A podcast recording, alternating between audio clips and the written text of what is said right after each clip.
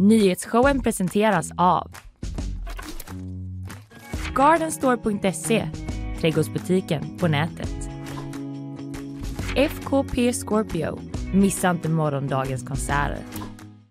Mm, visst är det väl tisdag va? Det är klart det är tisdag. Ja, tisdag den 2 maj. Hej, god morgon, vi är tillbaka. Idag var vi, igår var vi inte här. Det var lite röd dag. Idag, det var 100% röd dag Ja. och så var det helg innan så det har varit ett mångdagigt eh, uppehåll för Precis. många Det nyhetsshowen-lyssnare. blir nästan som det blev för mig och Fanny kanske efter påsk att vi liksom bara var helt så Ah! ja, nej, det har inte varit så länge vi har varit borta ens. Herregud. Ina, eh, du är här på tjejtisdag. Jag är här på tjejtisdag. Skönt Mm. tycker jag. Att det Tycker känns... jag med, Ja. äntligen. Känner mig som en riktig tjej. Ja, det, och det är det, det är det som är. Att, eh, nu är du en riktig tjej efter detta. Mm. Eh, du, idag kommer jag att prata om Elsa Widding, eh, Sverigedemokraternas eh, riksdagsledamot som eh, lämnar Sverigedemokraterna men sitter kvar i riksdagen som en vilde. Jag tror att det är den första den här mandatperioden. Ja, Mm. intressant. Spännande. Eh, Hon berättar lite om varför och så i en film på sin Youtube-kanal. Det kommer vi eh, gå igenom vad det är för bakgrund. Vad ska du prata om? Eh, Jag ska prata om Pugh Rogefeldt som ju gick bort igår Ja. och har varit en aktiv artist i svenskt musikliv i över 50 år. Går det det att sammanfatta? Ja. Jag ska försöka. Ja, det är bra. Ser fram emot det. Sen kommer Hanna Sar hit. Vi ska prata om granskningen som vi publicerade här på GP förra veckan, det svenska kejsarsnittet, Just det. som handlar om då ojämlikheter i vården på landets mottagningar för förlossningsrädda. Vi ska prata lite mer om eh, vad som är på gång där och eh, reaktioner och lite sånt. Ja. Ska vi gå igenom. Ja, spännande. Jajamän. Eh, vi kommer ju så småningom också komma, vill jag ju bara säga, Ja. till alla som undrar, Ja. till ett tips om hur man gör för att inte bli attackerad av måsar. Jag vill Ja. bara säga att det kommer. Det kommer. Och eh, jag eh, har ju tyvärr då blivit spoilad om det här tipset av Emily, producent eh, Hagbard. Men eh, jag kan, eh, man vill inte missa det. Nej, man vill inte missa det. Det vill jag säga. Vad har du mer i bakvagnen? Dessutom så kommer jag berätta om lite mer göteborgska djur potentiella göteborgska djur. Det finns människor som förespråkar att vi ska plantera in stör i Göta kanal. Varför och hur kommer jag reda ut. Och sen så är det så att AIns gudfader, en av de stora pionjärerna inom den här tekniken, börjar känna att det där var väl ändå så där. Så jag ska sammanfatta lite vad Jeffrey Hinton har sagt till New York Times Ja, ja, om ja, ja. sitt jobb. Ja, lite illavarslande känns det. Det är lite obehagligt. Eh, men vi kommer också prata om, eh, jag ska prata om ett eh, skyltfel på Bohus Malmön. Okej. Mm, man kanske kan ana redan vilken förväxling som kan Ja, tänkas göras. Jag har en idé. Ja, eh, och sen också om eh, ett helt gäng människor, flera tusen, som slöt upp vid en manifestation.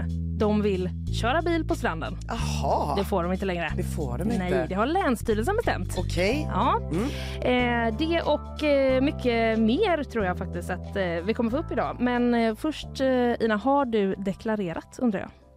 Jag är ju så himla lyckligt lottad så att jag är egen företagare. Ja. Och jag är också så lyckligt lottad att jag känner till mina begränsningar. Mm. Så jag har en, det heter inte revisor, det heter redovisningskonsult Mm. som gör detta till mig. Det låter fantastiskt. Det är mycket fantastiskt. Ja. Eh, Men å andra sidan så minns jag inte att det var så jobbigt att deklarera heller för man fick bara hem papper och så skrev man under och så skickade man in dem.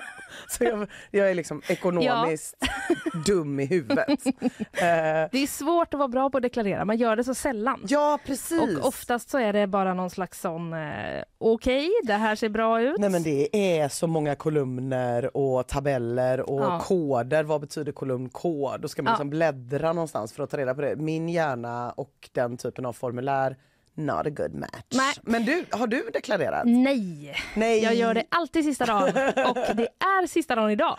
Det är sista dagen idag. Och då brukar det ju alltid, jag kom nämligen att tänka på det här igår så kände jag, men brukar man inte alltid få massa liksom pushnotiser från alla tidningar som är så, här är, kom igen nu, nu Ja. måste du göra det. Det är liksom det jag går och väntar på varje år. Just det. Eh, men det fick jag inget igår, men det är väl idag då eftersom idag är sista dagen. Ah. Så idag kommer nog eh, sånt här, det här har du missat, hjälp!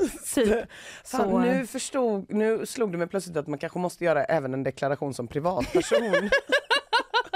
jag Ja. tyckte jag var så safe. Just det. Då Jag kanske du ska det kika kanske inte på det. min redovisningskonsult gör. Nej, det kanske du ska i alla fall kolla med den Ja, redovisningskonsulten. jag, jag kollar. Om Ja. du lyssnar på det här, det är den ansträngning jag kommer göra. Om du lyssnar på det här, Theo, Theo, hojta. Mycket bra. Eh, men eh, en liten varning då till alla En där liten ute, varning. Liksom. Mm. För om man inte gör det idag, då kan man få förseningsavgift. Ja, det vill man inte ha. Nej, och jag tror att den ligger på typ 2000 Nej, spänn. men det är så mycket pengar. Ja, vilket i mitt fall är precis så mycket jag ska få tillbaka. så jag vill liksom ändå inte kvitta ut det och eh, Nej. det tycker jag inte ni andra ska Okej, göra heller. jag går in på BankID och gör något sen. Ja, jättebra. Mm. I, är det bra i övrigt eller? Annars är det, ända till slut så kommer de här svindåliga nyheterna till mig. Jag hade ingen aning om att man skulle deklarera idag eller någonting. Fram tills nu var det bra. Nej men det är alldeles utmärkt. Det är Skönt. liksom ljust när man går upp klockan 04.30, vilket man gör när man ska gå hit. Eh, man hör måsarna skrika, fåglarna kvittra. Det är, jag vet inte, våren. Ja, Can't live without it. valborg har också varit. Nu det, eh, blir det bara bättre. Ja, är det bra med dig? Ja men det är bra. Det är mycket bra förutom det här med deklarationen. Då. Men det ska vi inte prata mer om nu för nu har vi informerat och det är det viktiga. Eh, Vi drar igång va?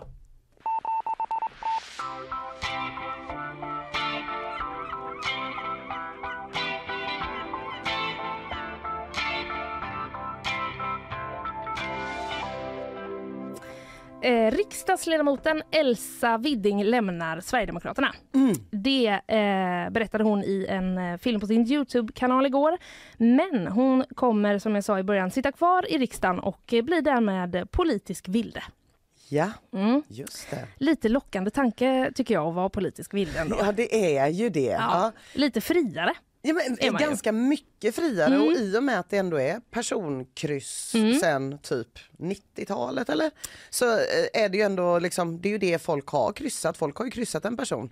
Ja, Jag, jag funderade på det igår, vad sjukt det var innan där det bara var så här, här är partiet, gör med detta bäst ni vill. Och så delade de ut. Men ja, då fanns ju inte politiska vildar. Okej, sidospår, sorry. nej men precis. Du, Eh, du kan ju liksom jag håller komma in, med eh, dig om att eh, det låter lite loosey-goosey och härligt. Ja, eller hur? Men det går ju liksom att komma in på den tråkpartivägen också. Ja. Men man, det är ju mer credit att vara en sån som har liksom blivit personkryssad in. Gud ja. Ja, så är det ju. Men eh, detta berättar hon eh, alltså igår då. Och hon eh, pratar i den här filmen eh, om hur hon tycker att det har varit att vara riksdagsledamot. Och eh, säger då bland annat eh, så här. Jag skulle närmast passa mig för att tala av övertygelse i talarstolen.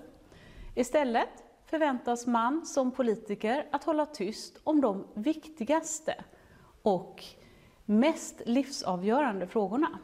Mm, det var inte riktigt som hon hade förväntat sig. Nej, nej, nej. Högre i tak låter det som att Ja. hon menar. Ja men precis. Ja. Mm. Eh, Elsa Widding hon blev då riksdagsledamot efter valet i höstas. Så hon har inte suttit så himla Nej. länge. Hon är civilingenjör och eh, har tidigare då jobbat också många år inom energibranschen Aha. på olika företag. Eh, och hon har faktiskt också tidigare varit på näringsdepartementet Okej. som tjänsteman Ja, ja, ja. Mm. i, eh, under den borgerliga förra regeringen var hon där. Eh, hon har också uttalat sig då i klimatfrågor och eh, hon har liksom blivit eh, känd för att ha ifrågasatt eh, slutsatserna i FNs klimatpanels eh, rapporter. ja. Eh, och hon sa också i riksdagen i höstas någon gång att hon inte tycker vi ska kalla det för klimatkris. Nej. Också ett uttalande som man eh, kanske liksom, eh, har hört. Eh, hon har också faktiskt släppt en bok tidigare i år. Jaha. Ja, sunt, sunt förnuft om energi och klimat. Den har för övrigt recenserats i GP, Jaha. eh, såg jag, här i vår egen tidning. Så Ja. kan man läsa om man är litteraturintresserad. Just det. Eh, det skrevs också en del, eh, hel del om henne nu i eh, april. Då hade hon varit och hållit ett föredrag på en konferens i Norge. Och hon pratade då om, eh, klimat, ja, om klimatet. Och den här eh, konferensen beskrevs eh, i medier senare som en konspirationskonferens. Mm. Det var två komplicerade ord att säga efter varandra. Komplika... Tack för beviset. Konspirationskonferens. Jag känner att vi har en dålig reklam för tjejtisdag nu. Att det är mycket så. Det här var svåra ord. Hur funkar deklaration? Jag vet inte. Jag ska prata om måsar. Förlåt. Men det är ju ingen kille som vet det bättre Nej, än det har du De helt fejkar ju bara. Ja, det är sant. Konspirationskonferens. Bra! Mm. Jättebra. Expo eh, var först med att berätta att hon hade varit där och enligt dem då så var en röd tråd genom den här konferensen att eh, organisationer som WHO och World Economic Forum Forum i hemlighet försöker ta makten över världen. Ah. Det var liksom eh, en röd Jag tråd som, för eh, konferensen. spenderar en del tid på, eh, tillbringar en del tid på Flashback. Mm. Jag har ju tröstat på de här eh, teorierna tidigare. Mm. Ja, ja, ja, då kände du till dem. Ja. Eh, men på den här konferensen så deltog då också kända vaccinmotståndare, klimatförnekare och och även eh, personer som hade relativiserat förintelsen. Mm. Ja. Elsa man. Eh, Ja, precis. Då sa Elsa Widding till Expo att hon inte såg några problem med att hon- hade deltagit i det här sammanhanget. Ehm, Men hon sa också att hon inte kände till då den här relativiseringen av eh, förintelsen som vissa av deltagarna och arrangörerna hade ägnat sig åt och att hon inte stod bakom det. Eh, och när det blev eh, känt då att hon hade varit där på konspirationskonferensen så fick hon eh, kritik bland annat av liberalen och utbildningsministern Mats Persson. Eh, så här skrev han i en tweet. Widding visar prov på ett kunskapsförakt som inte anstår en riksdagsledamot. Det är allvarligt att ge stöd till konspirationsteorier om klimat, vaccin och förintelsen. Hon måste nu visa att hon står upp för vetenskap. Aha. N- när var det sa du? Detta var tidigare i år, tidigare Okej. nu i Mm, april. För det var nog bara två veckor sedan någonting. Tror jag att det. Missade det, men Ja. okej. Mm. Eh, det här tar hon då också upp i sin Youtube-video, den här kritiken och eh, tweeten. Jag hade förväntat mig att mitt parti tog avstånd mot dessa avskyvärda påhopp som Liberalernas främsta företrädare gör sig skyldiga till. Ja, ja, ja. Så säger hon och hon säger också att Mats Persson eh, tillsammans med Liberalernas partiledare Johan Persson eh, driver en eh, smutskastningskampanj mot henne. Trots detta förtal väljer Sverigedemokraterna att inte kommentera frågan i media. Men tystnaden talar sitt tydliga språk. En gräns har nu passerats även här. Jag har därför bestämt mig för att lämna partiet. Hon lämnar alltså SD men kommer sitta kvar i riksdagen. Vad säger eh, Sverigedemokraterna kanske du undrar? Ja, det undrar jag. Mm.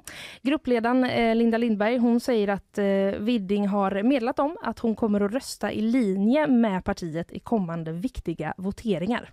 Okej, Eh, så politisk wildish. Ja, precis. Hon är wild, men hon säger men jag kommer ändå, eh, jag kommer ändå Ja. eh, rösta med er. Mm. Eh, men Sverigedemokraterna hoppas eh, att hon ska lämna riksdagen ändå. Mm. Som den starka gemensamma röst partiet utgör så hoppas vi att Elsa väljer att lämna sin plats i riksdagen till förmån för någon som företräder Sverigedemokraterna. Säger Linda Lindberg då. Det är ju det där, hon kan ju säga att hon ska rösta enligt linjen men man vet ju Nej, aldrig Man riktigt. kan aldrig veta.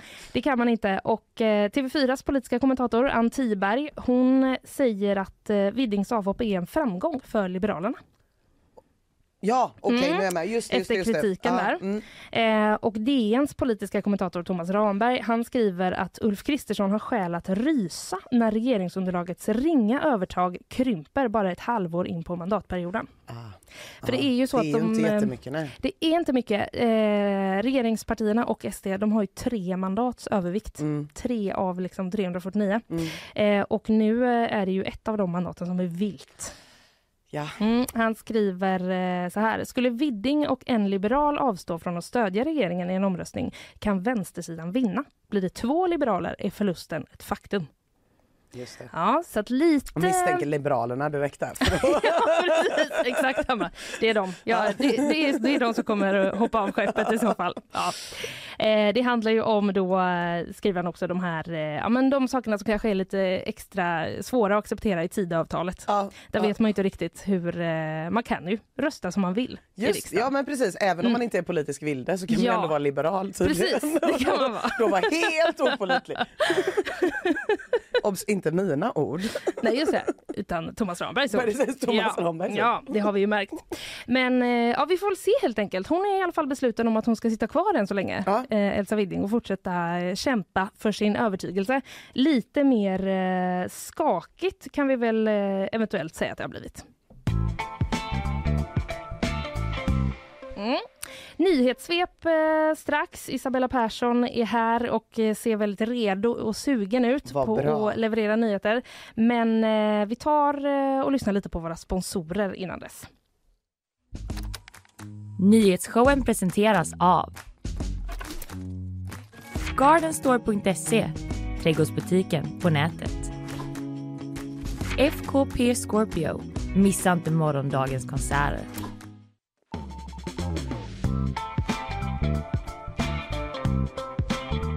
Ja, det är inte måndag morgon utan tisdag morgon. Eh, tisdag är det va? Det är tisdag. Ja, jag blev helt plötsligt väldigt osäker. Ja, Ja.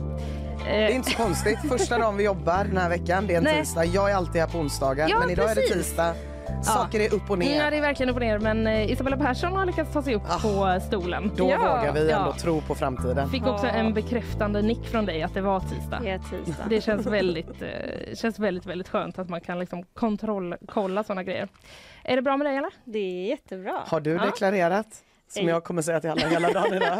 Ja, Ja. det, det känns som att jag gjorde det eh, för länge sedan. Ah. Ja, det finns ju ett gäng som eh, är sådär, men det gör man ju i mars för då får man sina, sina pengar i april. Mm. Ja. Så att, eh, vi jobbar i motvind vi som deklarerar sent, men eh, det, är, det är viktigt ändå att stå upp för eh, sina åsikter jag på att säga. Ny lägstanivå för att stå upp för sina åsikter. Typ, ja men nu får man ändå säga om eh, Linnea att hon står ju upp för sina åsikter. Vad menar du med det? Att hon deklarerade sista dagen? Ah, ja, ja. ja men det är sant. Frihetskämpen. Tack så mycket. Tack. Eh, vi tar väl och bara kör igång med ett nyhetssvep tror jag. det gör vi. Nationella bombskyddet har i natt kallats till Stora Höga efter att flera personer hört höga smällar i närheten av en företagslokal. När polisen kom till platsen kunde man konstatera skador på byggnaden men man har ännu inte slagit fast om skadorna kommer från någon form av skjutning eller detonation.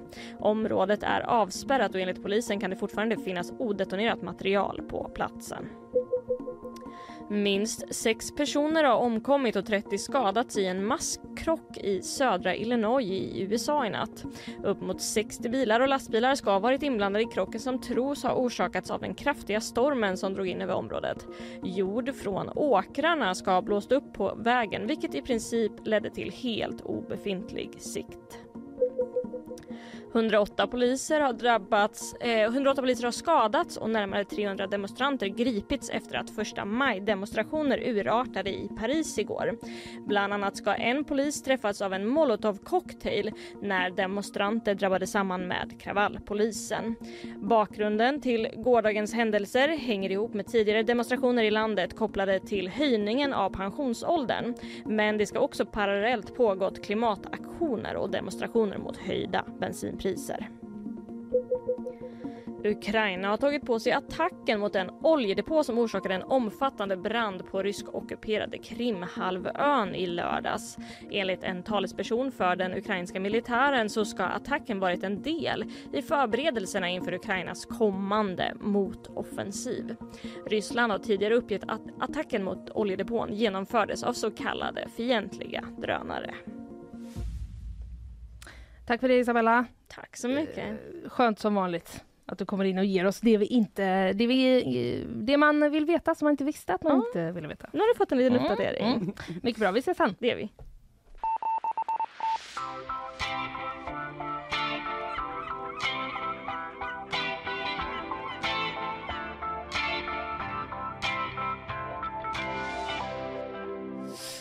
Ja du Linnea, igår så dog ju Pugh Rogefeldt. Ja. Hans eh, allra sista konsert det blev år 2019 eh, när han hade en eh, jubileumskonsert för att fira 50 år som artist på Cirkus då. Och redan när han hade den konserten så var han diagnostiserad med en ovanlig nervsjukdom, CBD, som också är då väldigt allvarlig. Tanken var ändå att Pugh skulle ha en turné efter den här eh, jubileumskonserten, men jubileumskonserten var 2019 och vi vet ju alla vad som hände efter det. Ja. Covid kom, Ja, ja. så det blev ingenting efter jubileumskonserten. Men jag ska försöka liksom sammanfatta de här 50 åren Ja, lite, lite hastigt får man säga. Eh, Hans musikkarriär började 1967 i Västerås där han är uppvuxen i ett band som heter Mercy Seat och han är inte döpt till Pugg Rogefeldt Nej. utan till Torbjörn Okej. Rogefeldt. Ja. Men tog artistnamnet Pugg efter en konstnär då. Och när eh, då vi är i Västerås, det är 1967, Pugg spelar i Mercy Seat. Han är också en 20-årig tvåbarnspappa. oj! Inga konstigheter. Förband till Jimi Hendrix 1967.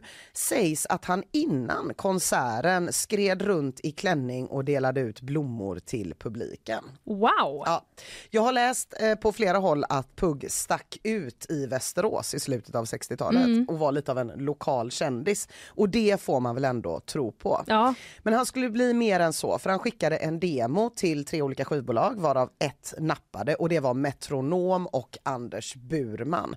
Jag är ju lite gammal, jag är lite förtjust på de här gamla gubbarna. Får jag ta ett litet sidospår om Ja, Anders Burman? Ja, han är en legendarisk då, skivbolagsboss på Metronom som bland annat signade Fred Åkerström och Mm. Cornelis eh, i, ett lite, i en liten speciell manöver. Fred Åkerström eh, var ju vissångare och eh, kände att han behövde lite nytt material.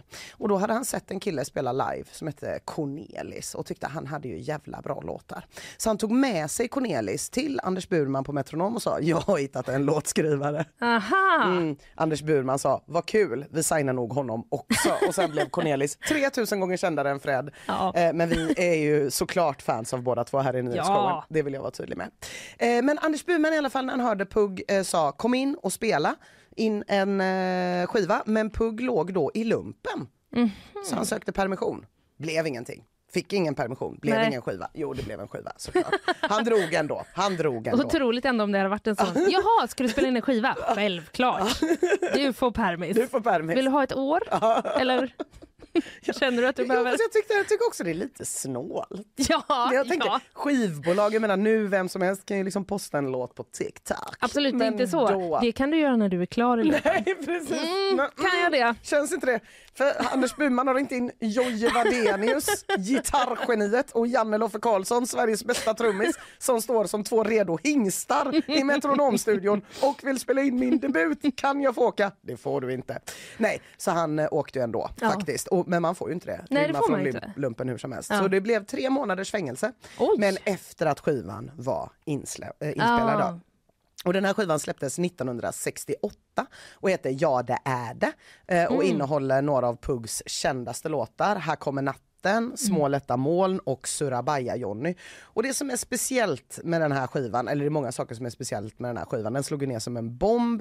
Eh, och det är för att den här typen av musik fanns ju innan men absolut inte på svenska. Nej. Och att Pugg sjöng på svenska redan 1968, det var väldigt ovanligt. Det som var på svenska var liksom visor, typ Fred och Cornelis, eller slager typ Siw Malmkvist. Ja. Liksom. Eh, och därför och flera andra anledningar så kallas det här albumet ibland för det första rockalbumet på svenska. Och vi lyssnar lite på Här kommer natten.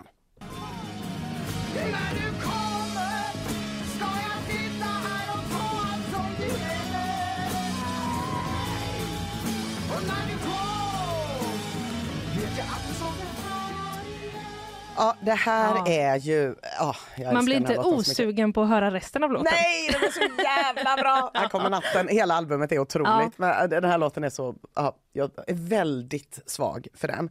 Eh, Pugg gjorde ju liksom även med den här skivan ganska utmanande musik, särskilt under första halvan av 70-talet. Det är ju flummiga gitarrer, det är mycket som händer liksom. Men han var aldrig uttalat politisk. Och här eh, behöver vi göra en liten avvikning bara kring att det finns en viss begrepps, begreppsförvirring i Sverige kring ordet progg. Ja. När vi säger progg i Sverige då tänker vi på någon med stensäkra åsikter, partibok, stompig tydlig musik med jävligt Ja. tydliga texter. Jag får upp den här luggen. Man får upp luggen, det är liksom fyra och fyra i led, det är ganska hård eh, stalinistiska värderingar i alla fall i Göteborg. I Malmö har man ju lite mer Mikael Wiehe och sådär och i Stockholm har man ändå lite annorlunda men, men, men att det i alla fall bygger på ganska tvärsäkra politiska åsikter som på något sätt nästan är överordnade musiken ibland. Det kan man ändå säga.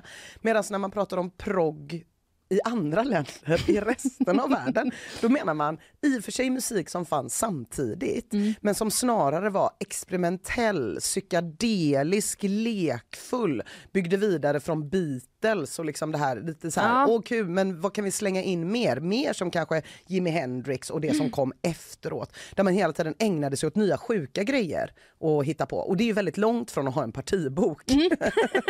Det får man ändå Det säga. får man säga. Och Pugg var definitivt mer utländsk progg än svensk progg. Och det får man nog säga att han var under hela sitt liv för han slutade aldrig experimentera. Och det som jag tycker är lite spännande med Pugg det var att publiken hängde ju med på alla de här svängningarna. Och där Pugg har varit, där har liksom centrum för musik-Sverige också varit.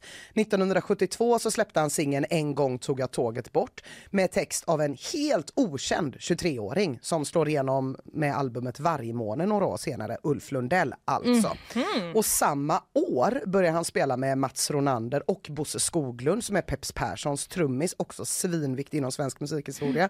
Han är med. På 70-talet då är Thomas Ledin ibland förband åt Pugg. Så han samlas runt alla de här människorna men ändå så gör han kanske det mest progressiva man kan göra i slutet av 70-talet om man har spelat med alla de här musikerna, nämligen är med i Melodifestivalen. Ja, Och det här är liksom bara några år efter att Nationalteaterns Ulf Dageby har sjungit om den omoraliska Ja. schlagerfestivalen där de svänger på fascistkärringkjolen. Och Nattmara, ja den går ju direkt in och blir etta på Svensktoppen.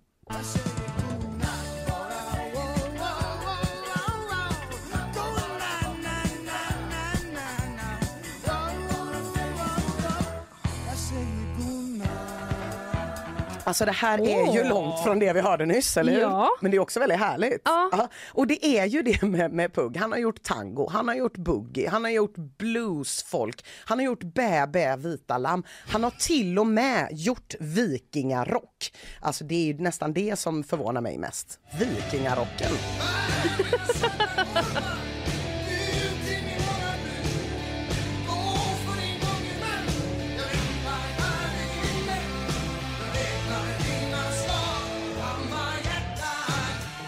Ja, herregud. Hammarhjärta och svarta korpar. Från 80-talet, det hördes ju kanske. Ja, alltså, eh, men det, det...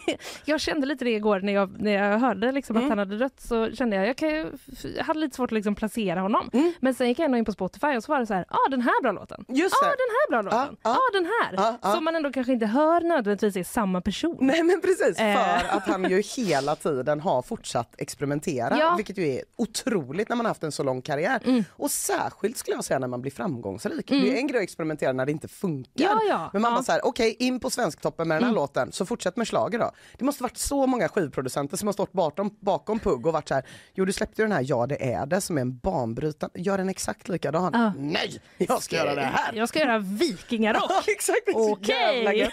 Han hade ju kunnat fortsätta med det, eller proggen, eller liksom, eh, ja, utländsk progg då, Mm. Eh, eller slagers. Men istället, vad gör han på 90-talet? Jo, då drar han stor publik med Grymlings, den här superrockgruppen och släppte den här dängan som för mig som uppskattar country, ja, jag fattar varför den låg på Svensktoppen i 23 veckor. Fel. Nej, det var fel. Det här är en bilåkarlåt. Ja, det känner jag det.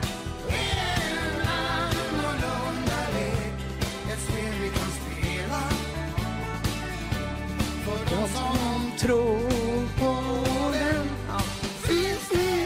Alltså, ja, det är...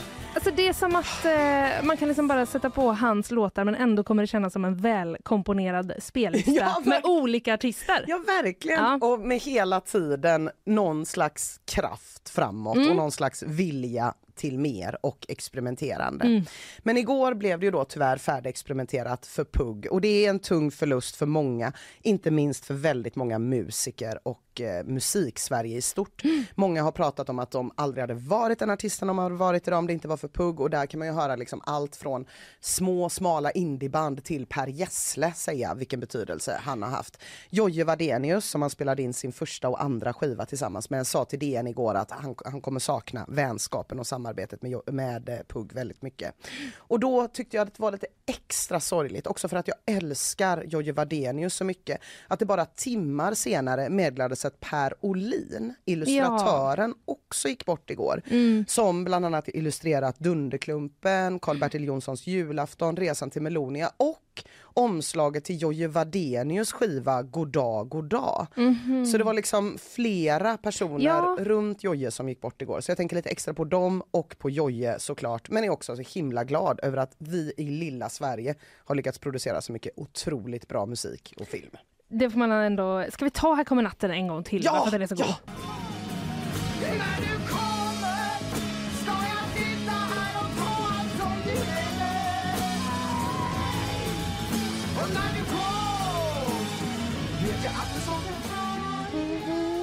Ja, den är otrolig. Ja, det var svårt att välja vilken del man ville klippa ut. Ja, Men lyssna på hela, alla. Ja, lyssna på allt. Rekommendation från eh, nyhetsshowen. Ja. Viktigt att stå för sina rekommendationer, så det gör vi nu. Eh, vi får gäst eh, alldeles snart. Vi Ja. kastar oss vidare som vi alltid gör, men eh, vi tar och lyssnar på våra sponsorer innan dess. Nyhetsshowen presenteras av Gardenstore.se, trädgårdsbutiken på nätet. FKP Scorpio, missa inte morgondagens konserter. Ja, sådär, sådär. Vi tar eh, helt enkelt bara och släpper in eh, våran eh, gäst och så är vi tillbaka alldeles strax. Underbart. I förra veckan så publicerade vi på GP eh, granskningen Det svenska kejsarsnittet som handlar om ojämlikheter i vården på landets mottagningar för förlossningsrädda. Vi pratade om det här i programmet eh, men sen dess eh, så har en rad fler artiklar publicerats och nu känner vi helt enkelt att vi måste försöka sammanfatta lite vad som har kommit fram i dem och även prata lite om reaktionerna på den här eh, granskningen. Och med oss eh, för att göra det är eh, Hanna Saar, redaktör och en av dem som har jobbat med granskningen. Välkommen! Hej, Hej. Hanna. Hej. Du- Jag som inte alls är med, får jag börja med att fråga v- vad, vad den här granskningen handlar om? Mm, det får du. Som inte var här förra veckan. Nej, nej, men granskningen ehm, Stort så kan man väl säga att det handlar om Aurora-vården, det vill säga vården av förlossningsrädda kvinnor. Eh, Men i den här gruppen av förlossningsrädda kvinnor så finns det också de som eh, bara vill ha ett kejsarsnitt.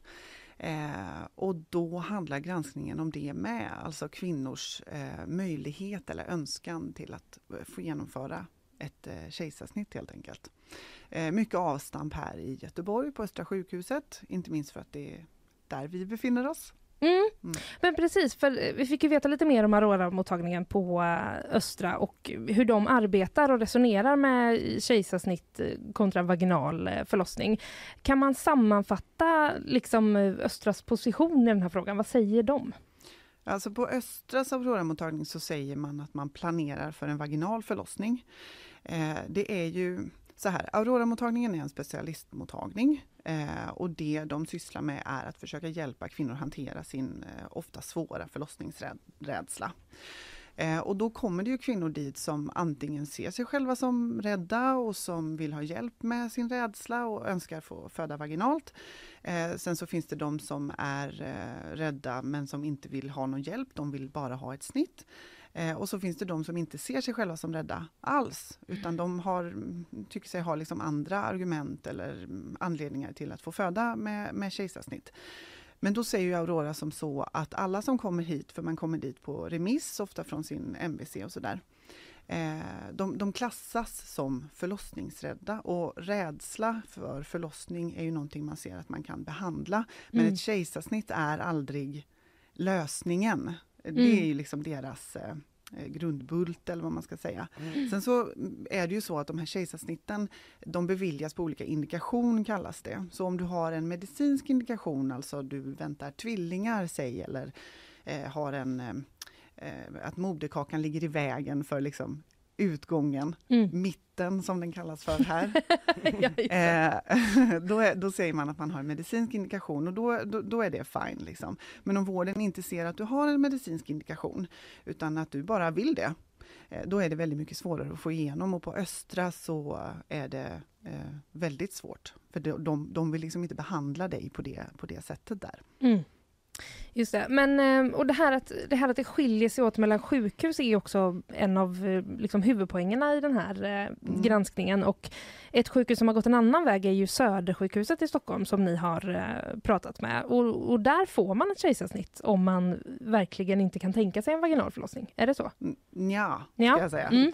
Eh, det finns så här, det här är en del av vården som, som saknar mycket riktlinjer, men det finns rekommendationer. Så 2011 så var det flera myndigheter som gick ihop och eh, man författade de här rekommendationerna som egentligen går ut på att om en kvinna tycker sig ha liksom tungt vägande skäl efter att de har gått igenom en samtalsbehandling och fått information om diverse för och nackdelar med de olika förlossningssätten, då bör du eh, bevilja henne ett snitt. Och då är det helt enkelt så att olika kliniker hanterar eller följer de här rekommendationerna olika Eh, ja, olika kan vi väl säga. Och Södersjukhuset är ehm, de ligger ganska högt upp i liksom snittfrekvensen. De genomför fler eh, planerade kejsarsnitt än man gör här på Östra. Östra sjukhuset ligger en, strax under mitten om man säger.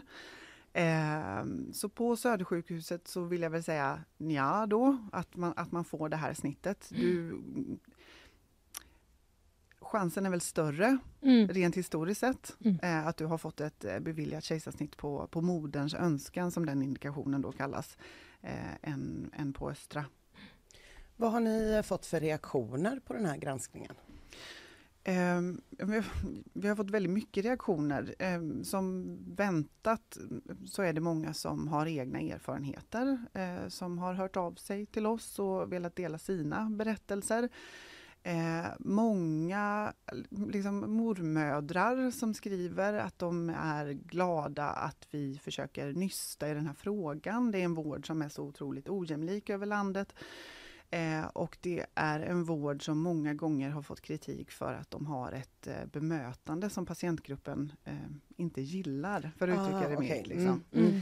Eh, så, så, så många är liksom glada att få läsa om det här. Och det här är ju, alltså för den här patientgruppen om man säger, eller för kvinnor som är gravida och som vill ha kejsarsnitt, så är inte det här någon nyhet alls. Det Nej. lever och frodas, inte minst i sociala medier.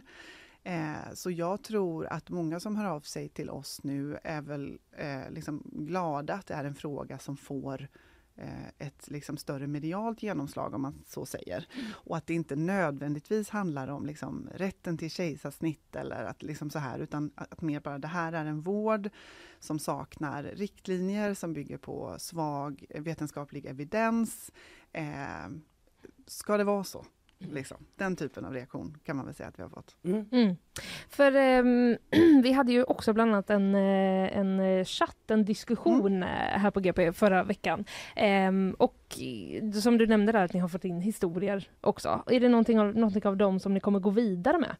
Ja, kanske. Mm. Ehm, och det vet ju du, du satt med den här chatten Mm. och vi fick ju in jättemånga berättelser. Ehm, det var inte direkt någon av de här berättelserna som, var liksom, som kom som en, eh, en nyhet om man säger. Vi har ju pratat med ett 30-tal kvinnor och jag kände igen många Mm. av berättelserna. Ehm, många har varit med om liknande saker. Liksom. Och det kommer fler publiceringar i veckan eh, där vi går vidare med andra eh, andra kvinnors eh, berättelser. Men det är mycket möjligt att, att det finns eh, mer att hämta i den här chatten också. Ju. Eh, Men om man är i den här situationen då som många kvinnor beskriver att man Mm. känner att man inte får den här hjälpen från Aurora-mottagningen. Man har panik inför sin förlossning. Finns det liksom alternativ då? Kan man ja, höra av sig till ett annat sjukhus? Eller, I och med att det verkar vara så stora skillnader i hur man blir bemött. Mm, alltså, ja och nej. Alltså öppenvård har man ju alltid rätt Mm. att och, och liksom söka i andra regioner på andra ställen även om du inte är skriven där. Nu är ju just Aurora-mottagningarna specialistmottagningar vilket gör det hela mycket svårare. Eh, nu vet vi ju att kvinnor ändå söker sig till andra regioner eh, och andra sjukhus. Eh, det har vi skrivit om tidigare i förra veckan också. Så det händer. Sen så är det liksom ingenting som sjukhusen utåt säger att det går jättebra att göra så. Fram tills nyligen faktiskt i, i vår region i Västra Götaland så, så var du liksom, du hade inte tillåtelse att göra det. Så hade du påbörjat en Aurora-process på Östra till exempel, då, då fick du liksom inte söka dig till Borås. Alltså det var nästan som ett litet förlossningskängen-avtal här, att där du Mm. börjar där, då, får du, då är det här du ska vara. Mm. Eh, nu har den riktlinjen ändrats något, så om jag inte är helt fel ute så, så, så får du söka dig vidare givet att det har tillkommit någonting nytt. Liksom. Eh, men eh, det enda jag kan säga om det här är egentligen att kvinnor söker sig till andra sjukhus. Ja, de gör det. Mm. Mm. Eh, och med, med, med liksom olika framgång om man så säger. Så det händer. Eh, För en del eh, kvinnor har ju också i efterhand gjort eh, anmälningar till IVO för att de tycker att de har blivit felaktigt eh, behandlade. Då. Vad, vad kan IVO göra i, i de här fallen?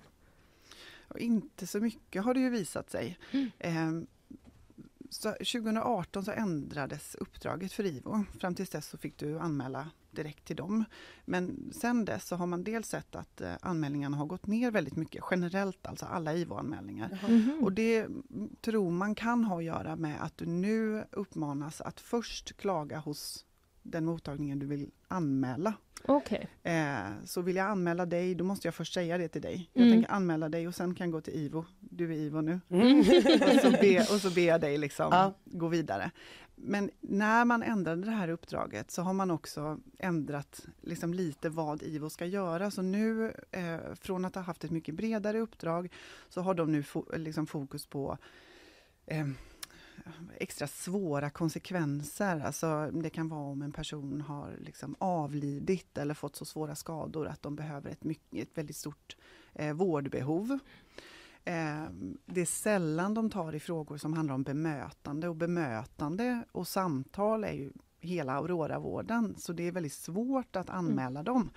Eh, och det har vi kunnat se i de eh, IVO-anmälningar som vi har plockat fram de senaste fem åren att alla förutom en har lagts ner med en gång, de har inte ens tagit i det.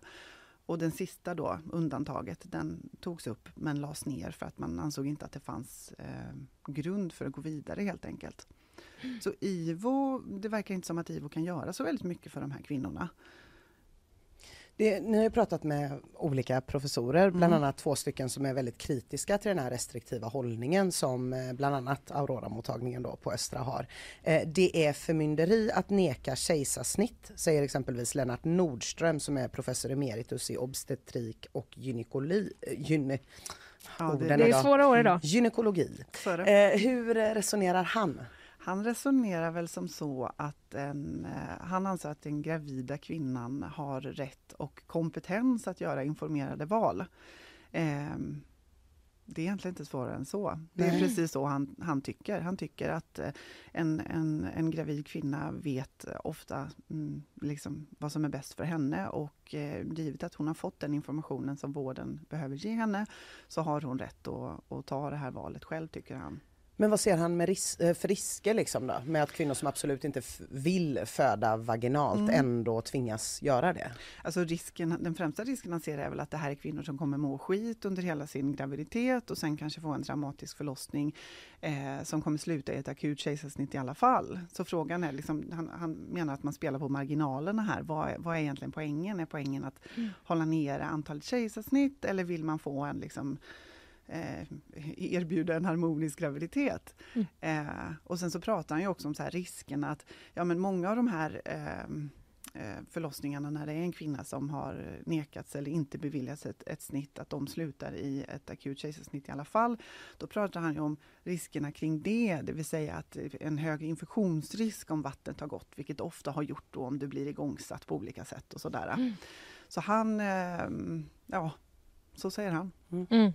Men eh, en, den andra professorn som har pratat med då, Ingegerd Hildingsson som Mm. ju också är barnmorska, hon, eh, hon tycker att Östra gör rätt i sin eh, restriktiva hållning här om kejsarsnitt. Vad, vad säger hon?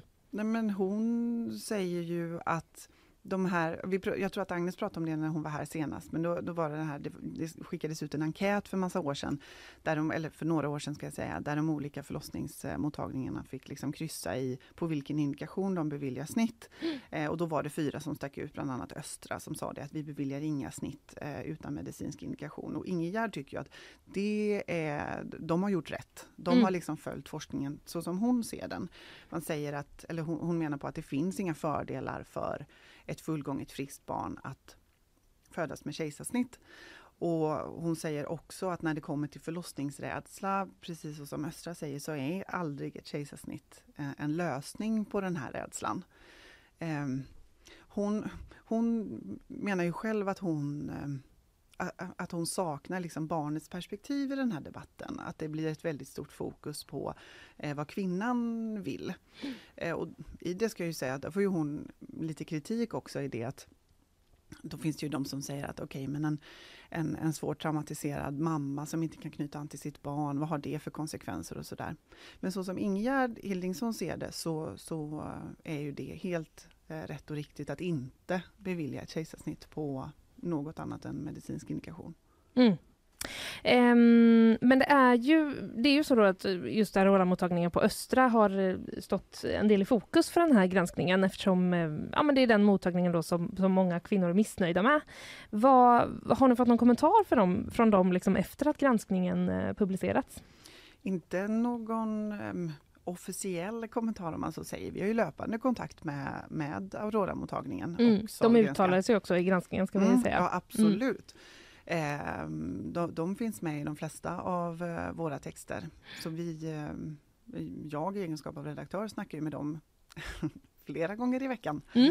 Eh, det är ju jätteviktigt att, att, att vi har med dem i det här eftersom att de, det har varit så stort fokus på, på Östra. Men det är också de som ska vara proffsen på hur Aurora vården eh, liksom ser ut och vad den ska vara. Mm. Eh, så de, eh, de är med. De är med. Vad, vad, vad säger de huvudsakligen? Ja, men det de säger är att de är väldigt nöjda med den vården de, de erbjuder. De pratar väldigt mycket om att det är just att man erbjuder vård. Ehm, de, de, de trycker gärna på sin eh, patientnöjdhet. Man brukar prata om en siffra på ungefär 74-75 som är väldigt nöjda med behandlingen de har fått där. Så det ska man ju komma ihåg att den gruppen kvinnor som är väldigt missnöjda och som har önskat ett kejsarsnitt, alltså det är ju en minoritet. Eh, men eh, mm, nej, men de, de är ju trygga i den, den vården de erbjuder. Och eh, ja, så är det med det. Mm. Vad händer eh, framåt eh, nu då? Ni har lite fler eh, artiklar på gång. Mm.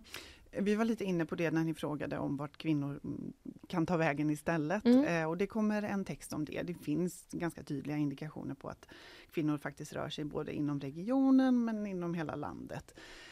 Eh, så det kommer en text om det, där vi kollar vart, vart kvinnorna egentligen har tagit vägen. Mm. Sen så hoppar vi ner lite i metoden som de använder, alltså vilken typ av behandlingsmetod man använder där uppe. Eh, och hur väl den funkar på, på svårare eh, alltså, mm, psykologiska diagnoser. Till exempel PTSD, hur svarar de på patienter med, med klinisk PTSD, hur svarar de på KBT-behandling som, som man har nischat sig eh, in mot då, på Östra. Mm. Det, det är lite av vad som kommer. Ja, Mm. Spännande. Det finns eh, mycket ju såklart från förra veckan också att läsa redan nu Ja. om man har eh, missat det på eh, gp.se. Eh, Hanna, tack för att du kom och berättade. Ja, tack. tack, tack.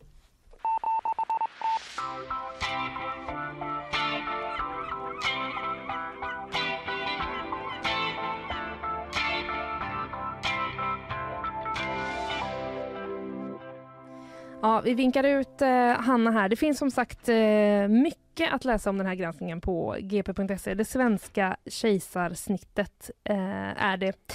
Den heter eh, Vi ska ta oss vidare in i bakvagnen. Ja, det ska vi. Ja, men vi gör ju inte det utan att gå upp för trappan som består av eh, nyhetssvep och eh, sponsorer. Nyhetsshowen presenteras av Gardenstore.se, trädgårdsbutiken på nätet. FKP Scorpio, missa inte morgondagens konserter.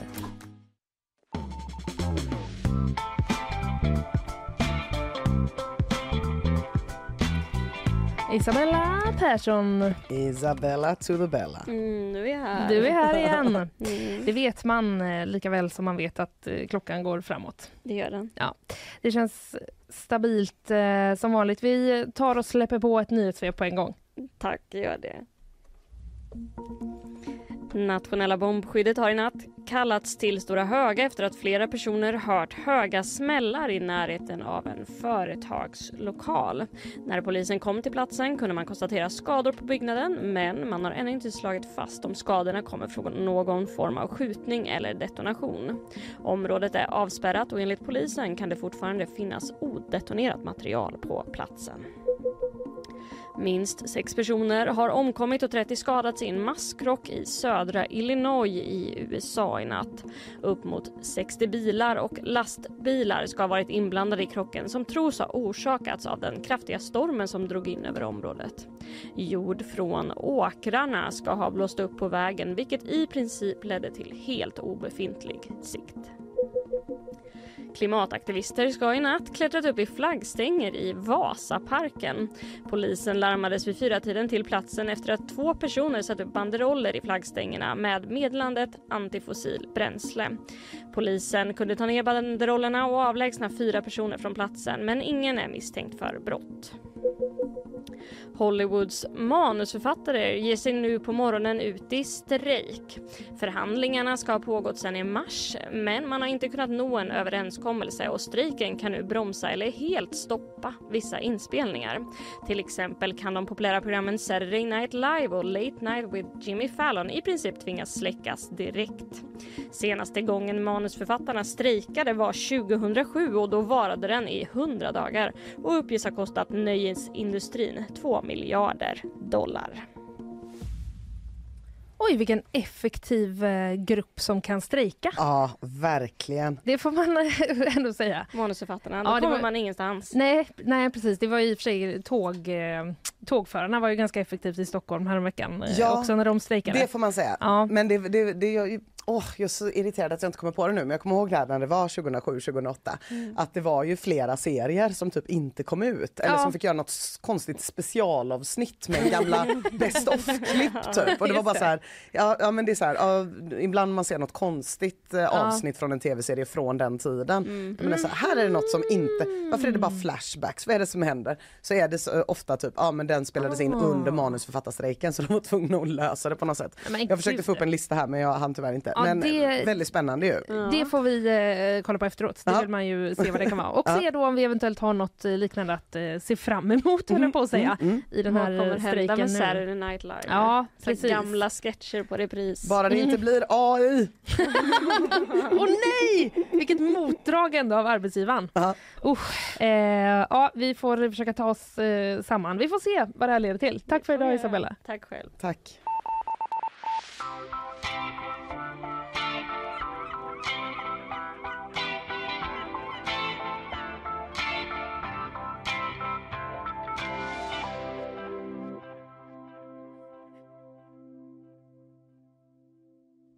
Det går bra, det går bra här.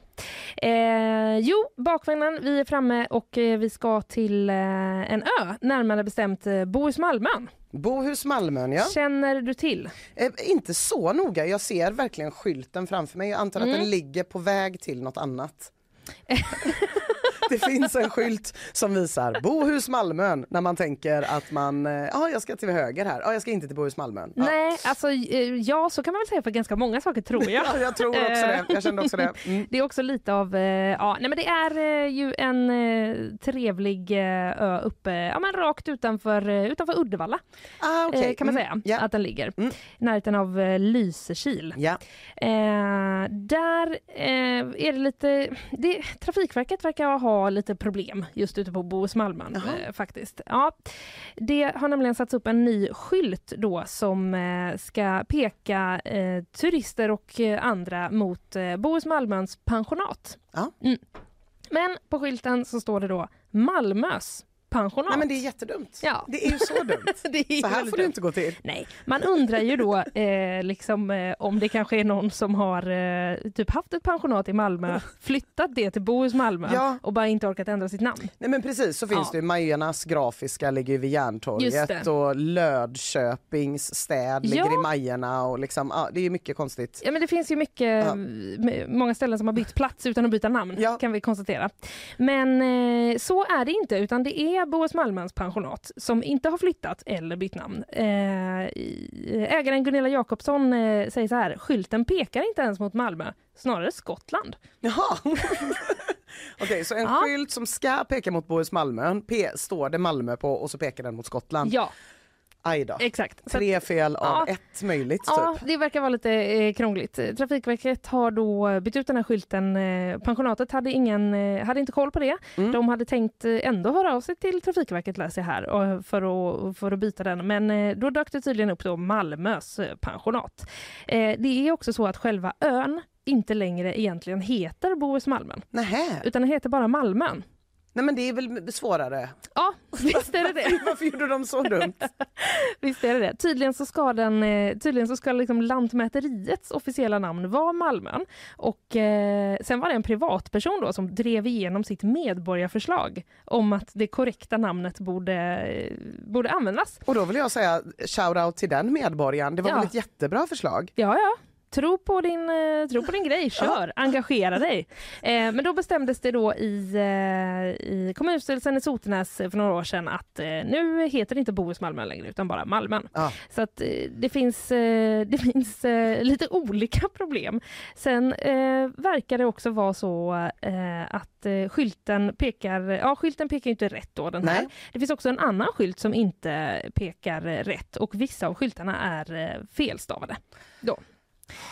Eh, Gunilla Jakobsson igen, ägaren då till pensionatet, hon säger så här, skylten till badet pekar mot hamnen och inte längre till badplatserna. Men det här var ju ett haveri känner Ja, jag. och Hembygdsmuseet, det Mm. ligger bakom skylten och Nej, inte dit det pekar, säger hon. Och undrar hur många led den här eh, Malmöskylten har passerat för eh, godkännande då.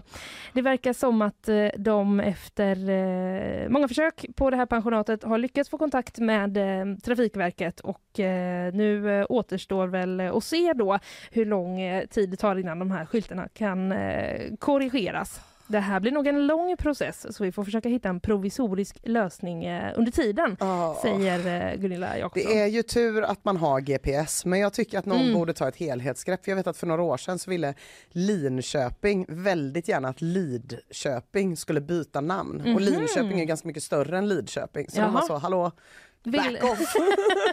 ja, just det. Men, men som, Ge jag minns det, som jag minns det så sa Lidköping nej vi fortsätter köra på vår grej. Ja, Mm, men att det det. kanske skulle vara med något tillägg då. Eller Ja, liksom sådär. Ja, och jag, jag kan tycka som en person som kan lida av lite namnafasi att det skulle vara lite trevligt om man håller isär de Mm. skulle där. vara enklare. Du kanske skulle vilja ha så att eh, det var, vi liksom delar upp Sverige i något rutmönster till och med. Ja, nu blev det ju eh, tråkigt. Men kolumn A1, det eh, är den... Eh, ja, och så kan staden bara heta det. A1 är Göteborg. Och så Toppen. får allt ligga runt omkring. ja precis, vi anpassar oss efter oss såklart. Jag tänker att han måste ha en otroligt exklusiv och snygg tvättkorg. Kanske är den i rostfritt material, kanske är den i guld. Det, det låter som en fantastisk beskrivning. Skrivning. Alltså den där göteborgskan är så svår att härma. Ja, det Ja, är jag har den. verkligen försökt den där Ja. lite liksom Särö Hovås Det är göteborgskan. någon slags långt fram i munnen. Ah, det är, det är, jag Ah. hade så gärna velat kunna liksom riva av en riktigt bra sån men jag kan inte för mitt liv. Jag ska hem och Fortsätt öva. bara. Ja, det ska jag. Ja. Hur har du det med måsarna Linnea? Eh, det, jag har det ganska bra. Jag Mm. tycker inte de brukar vara så nära mig. Nähä. Nej, jag kanske utstrålar någon slags obehag mot dem. Ja. Kanske. Eh, för att eh, de har inte riktigt kommit igång än vill jag säga. Nej. Utan de brukar komma igång om två, tre veckor ungefär. Mm. Eh, man börjar ju höra dem mer nu men Det ungarna är ju inte kläckta. Nej. Eh, och därför har inte heller måsattackerna börjat på Just det. allvar. Men man kan ju fråga sig, har det inte blivit lite värre det här med måsarna Jo, på senare har det tid? inte det? Har det inte det? Ja. Jo, igår sa Anders Widheim som är pensionerad ornitolog så här till GP. Det här är ett växande problem. Måsarna Mm. har flyttat in till stan på ett sätt som eh, inte de gjorde för bara 50 år sedan.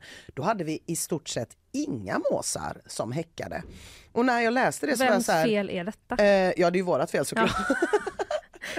Jag tänkte det skulle finnas någon utomstående man kunde skylla En på. mås som startade trenden. Ja, det var den här eh, första urbaniseringsvågen där precis. måsarna var så här, nej, nej. Det verkar ändå skönt det här med Majorna, vi åker dit. Det var en mås som var så, har ni hört talas om korv? Precis. Och gratis. Direkt ur hand i Det är Brunnsparken. bara att åka dit och Finns ta. även glass. Men alltså jag, jag eh, blev helt lite sådär ställd när jag läste det här. För Mm. jag bara, nej det är sant. Jag har inga barndomsminnen av att, som min dotter har ju barndomsminnen. Min dotter har ju barndomsminnen av att liksom gå över vinden där vi bor Mm. för att gå ut genom en annan trappuppgång för att inte störa måsarna. Min dotter har ju barndomsminnen av att bli eskorterad av mig när hon ska till skolan med Ja, paraply. nej. Och min dotter har ju inte minst barndomsminnen av att man sitter vid Plaskis vid Mariaplan, en mås dyker ner och tar hela jävla korven Ja, ur ja, ja. brödet från en. Och jag bara, jag kommer inte ihåg något av det här från när jag var liten men ibland vet man inte, var det, är, är Nej, jag nej. eller är det, men det var inte jag, var inte du. Nej. Utan eh, skönt att Anders redde ut det. Mm. Eh, det är inte farligt säger han då såklart, Anders. Det är ju max en tass i huvudet det handlar om. Det tycker jag ändå. nej, nej, jag tror att han inte sa tass, jag tror att han sa fot. Det kan ju kännas Ja, men farligare. det känns ju inte trevligt när de dyker Ja. mot en. Och det. Mm. de gör ju det för att skydda sina barn såklart. Och de har ju liksom flyttat in till stan, jag glömde ju säga det, på grund, precis som du sa, av maten. Mm. Eh, dels finns det en massa gräsmattor i stan där det är fullt med maskar och gott, men bufféer för måsar ligger ju på markerna. Anders eh, tar till exempel exemplet efter en helgmorgon Mm. när man ser hur det ligger liksom halva Happy Meals över hela stan. Var, liksom, det är klart att måsarna kommer. Ja. Plus att vi hänger allt mer på måsarnas platser i skärgården. Så de hänger också mer på eh, våra. Ja. Eh, Men vill man slippa det här, Ja. då finns det ett knep. För de attackerar oftast bakifrån. Eh, och då är knepet... obehagliga. Ja, det är så himla obehagligt. Jag tycker det är svinläskigt alltså. Ja, men det När jag, är går, ju. Ja, jag har ju kört med paraply Ja. eller med liksom att vifta med någonting, ovan, typ väskan ovanför Mm. huvudet så här, när jag liksom går med min dotter rädd för livet. Och ibland när jag ser en mås, då slås jag av hur stora de är. Mm. De är skitstora. Och så tänker jag, tänk om man inte var uppvuxen med måsar. Typ, Ja. Mm. Tänk om man kom från ett annat land. Tänk om du aldrig hade sett en mås i hela ditt liv. Du är på backpackerresa i typ Amazonas och ser en mås. Man hade ju skitit ner sig. Ja. Hade blivit livrädd. Ja. De är läskiga. Det, och, det, ja. Vad händer nu? nej, och de attackerar bakifrån. Det var bara Ja, det jag skulle exakt. säga. Det är så, så, så här, det här kan du använda både för att så inte bli rånad på vägen hem Ja. och inte attackerad av en mås. Exakt. Samma, samma, grej. koncept. Ja det kan man faktiskt. För konceptet är att man ska ha en stor vit keps som man ser ut som kontrollanterna innan de Ja. bytte. Eh, och sen ska man måla då ögon ovanför skärmen på kepsen och sen ska man vända kepsen bak och fram. Då får man ögon i nacken och det lurar måsarna så de avstår från att attackera. Ett enkelt knep som fungerar förvånansvärt bra säger Anders Widheim till GP. Jag vet inte Linnea om det funkar mot rån. Nej, jag vet inte heller. Någon hade tänkt att råna en Men och det- så ser de Hobbex-ögon på en vit Ja, måste det vara såna googly eyes också Jag så att det är lite det. verklighetstroget? Så det känns som att man kan måla Ja, för gud. dåliga ögon. Nej, men jag vet inte, är inte det förnedrande då? Att man ska behöva ha en sån keps? Jo, Ja. ska, liksom, ska ens barn då ha en sån och så när de kommer till skolan så nu får ni lägga ner den för annars kommer folk tro att ni är, eh, kommer ingen vilja vara med er. Nej, Det är för men, konstigt. men samtidigt om det här funkar, Mm. då kommer ju det här bli en grej. Jo, absolut. Eller hur? Och det finns ju jättemycket vita kepsar nu från kontrollanterna då som Ja. de skulle kunna sälja ut. Och jag tänkte på en annan grej. Jag Mm. tänkte på studentmössorna. Ah. De har ju förvisso bara ett öga.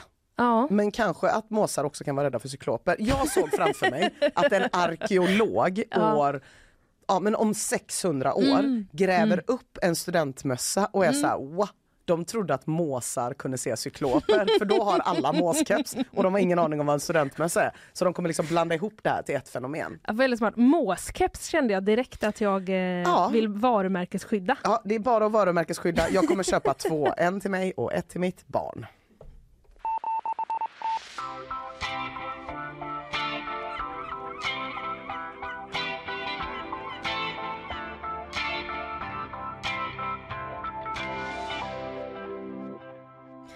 Mellbystrand eh, ska vi till nu. Mellbystrand, Ja, i Laholm. Laholm. Ja, det har, råkat bli, det har bara råkat bli ett tema på ställen jag var på under sommaren när jag växte upp. Okej. Eh, idag i bakvagnen, uppenbarligen.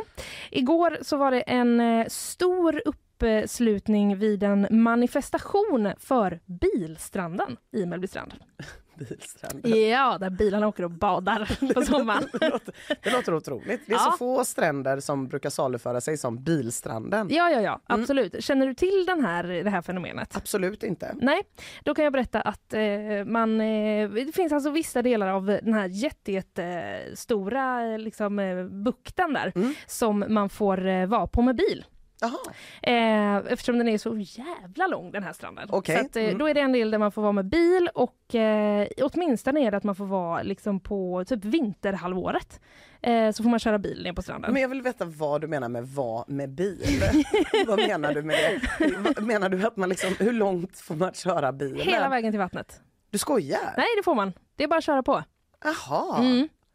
Jaha. Oj, det har jag nog aldrig sett i hela Nej, mitt liv. nej alltså jag tänker att det kanske är något man gör eh, utomlands. Ja, mer. Kanske. Det känns inte, men det är också att det, det är också det att det är en eh, jätte, jättelång strand och att den, det är bara sand. Det finns inga liksom, klipper. Så Nej. det gör ju Just eh, det. naturligt på många ställen att man inte kanske kan ta Ja. eh, sin, lilla, sin lilla bil ner dit. Men eh, ja, mi- min erfarenhet är mest så att eh, om det var oktober man åkte ner till sommarstugan så var det så. Vi måste ju ändå ta oss till havet. Ja, ja, kan inte ja. vara här utan det. Nej. Men så var det kallt. Tog man bilen. ja just det. Satt man i bilen, tittade på havet. Okej, det var ja. grå himmel. Ja, ja. Så tänkte man så här är det inte så vackert, men ja, det är det vi får nu.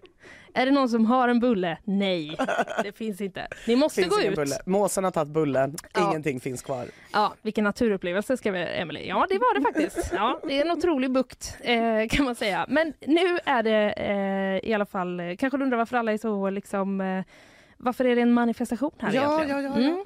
Mm. Eh, det är då för att eh, Länsstyrelsen har bestämt att eh, nu får man inte ha bil längre på stranden. Mm. Här eh, ser jag eh, att det, var, det fanns uppgifter som förmedlades till alla väntande som var på stranden. Eh, citat, det är kö hela vägen från rondellen vid E6. Det är väldigt långt kan jag säga. Ja såklart, det var ju inte en manifestation till fots. Nej, det var nej, ju med nej, nej. bil, Det tog ett tag var- innan ja. den polletten trillade ner. Jajamän. Ja. Okej, ja. mm. Nej precis, det var fullt med bilar på, eh, på stranden. Det skulle Mm. börja där eh, klockan 13 men eh, till, ut till rondellen vid E6, alltså vi pratar flera flera kilometer. Ja.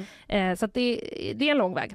Det var ett par politiker då som skulle hålla några korta anföranden men den tidsplanen verkar ha spruckit Mm. på grund av köbildning. Då. Men kommunfullmäktiges ordförande Erik Semb, moderaten, han eh, tog till orda. Eh, vi, han sa så här, vi politiker får ofta skulden för allt ont som händer i Laholm men det här är vi inte skyldiga till i alla fall.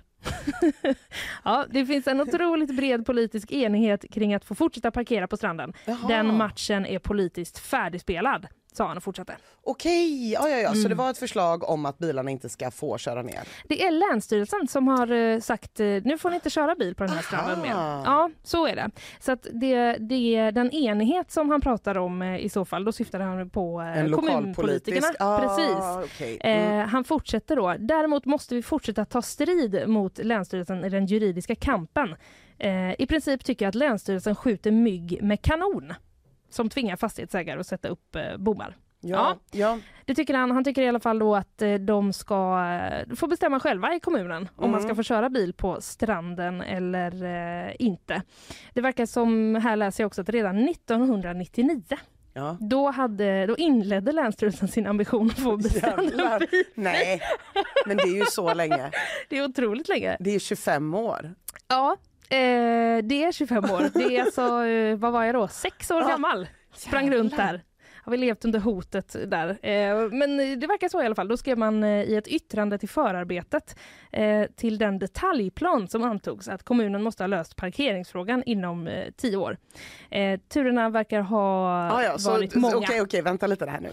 Så Länsstyrelsen sa för 25 år sedan. Ja. Ni har 10, på er, 10 år på er att lösa parkeringsfrågan. Ja. Parkeringsfrågan är inte direkt löst. Nej, jag tolkar det som att de menar då att eh, de ska parkera eh, liksom inte på stranden. Ah, ja, nej. Eh, faktiskt. Nej, eh, okej, men då måste de ju där. bygga lite parkeringsplatser. Ja, Ja, precis. Men det vill inte folk för att du målade ju ändå upp den här otroligt vackra barndomsminnesbilden av att sitta där i en bil i oktober. ja, Ja, mm, utan bulle. utan bulle. Utan bulle. Ja, och det, väl, finns kaffe. det måste Vill också man framtida ha generationer. kaffe som åttaåring Ida? Vill man ha det? Är det någon Inte tröst? nödvändigtvis. Nej. Inte nödvändigtvis. Nej, men ibland så eh, kunde man ändå eh, få åka till diverse snabbmatsrestauranger eh, efteråt. Så att, Just ja, jag ska inte måla ut det här för, för Nej. hårt. Nej. Eh, det är viktigt att vara lite rättvis. Jag försöker eh, se om jag kan eh, hitta den här Alltså helt enkelt vi behöver eh, varför, vad Länsstyrelsen har för argument. Ja, för det är jag. man ju väldigt nyfiken Ja. på. Men alltså, det, och det är lite svårt för mig här att vara helt neutral för att jag får ju vara transparent med det då. Jag har ju varken bil eller körkort. Nej. Eh,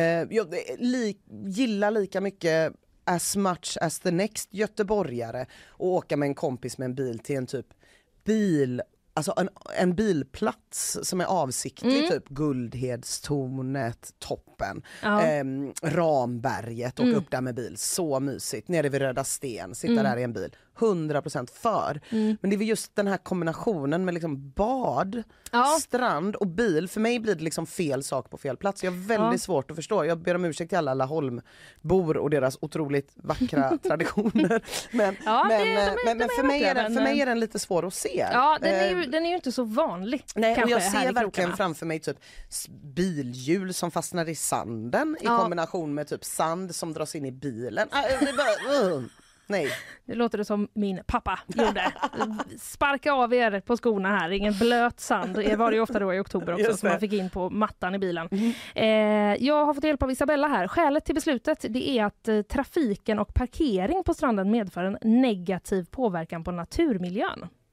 Enligt Länsstyrelsen. Mm. Eh, I ett område då som är av riksintresse för naturvård och friluftsliv. Det är inte lämpligt med biltrafik på stranden. Ah, skriver de. Ja. Det kan man ju fatta. Det är mycket snack också om sanddynerna som finns eh, i Laholmsbukten, att de håller på att liksom rinna ner i väg. För att vissa olika barn håller på att hoppa i dem. Mm. Det får man ju inte. Nej. Eller får man det? Vem ska bestämma egentligen? Det är svårt. Ja, nej, men så är det i alla fall. Det finns ett eh, stort engagemang helt enkelt för eh, att eh, få, få ha kvar bilåkandet och bilsittandet framförallt kanske vi ska säga på eh, stranden. Vi får väl se vad, eh, hur det går i den här juridiska processen.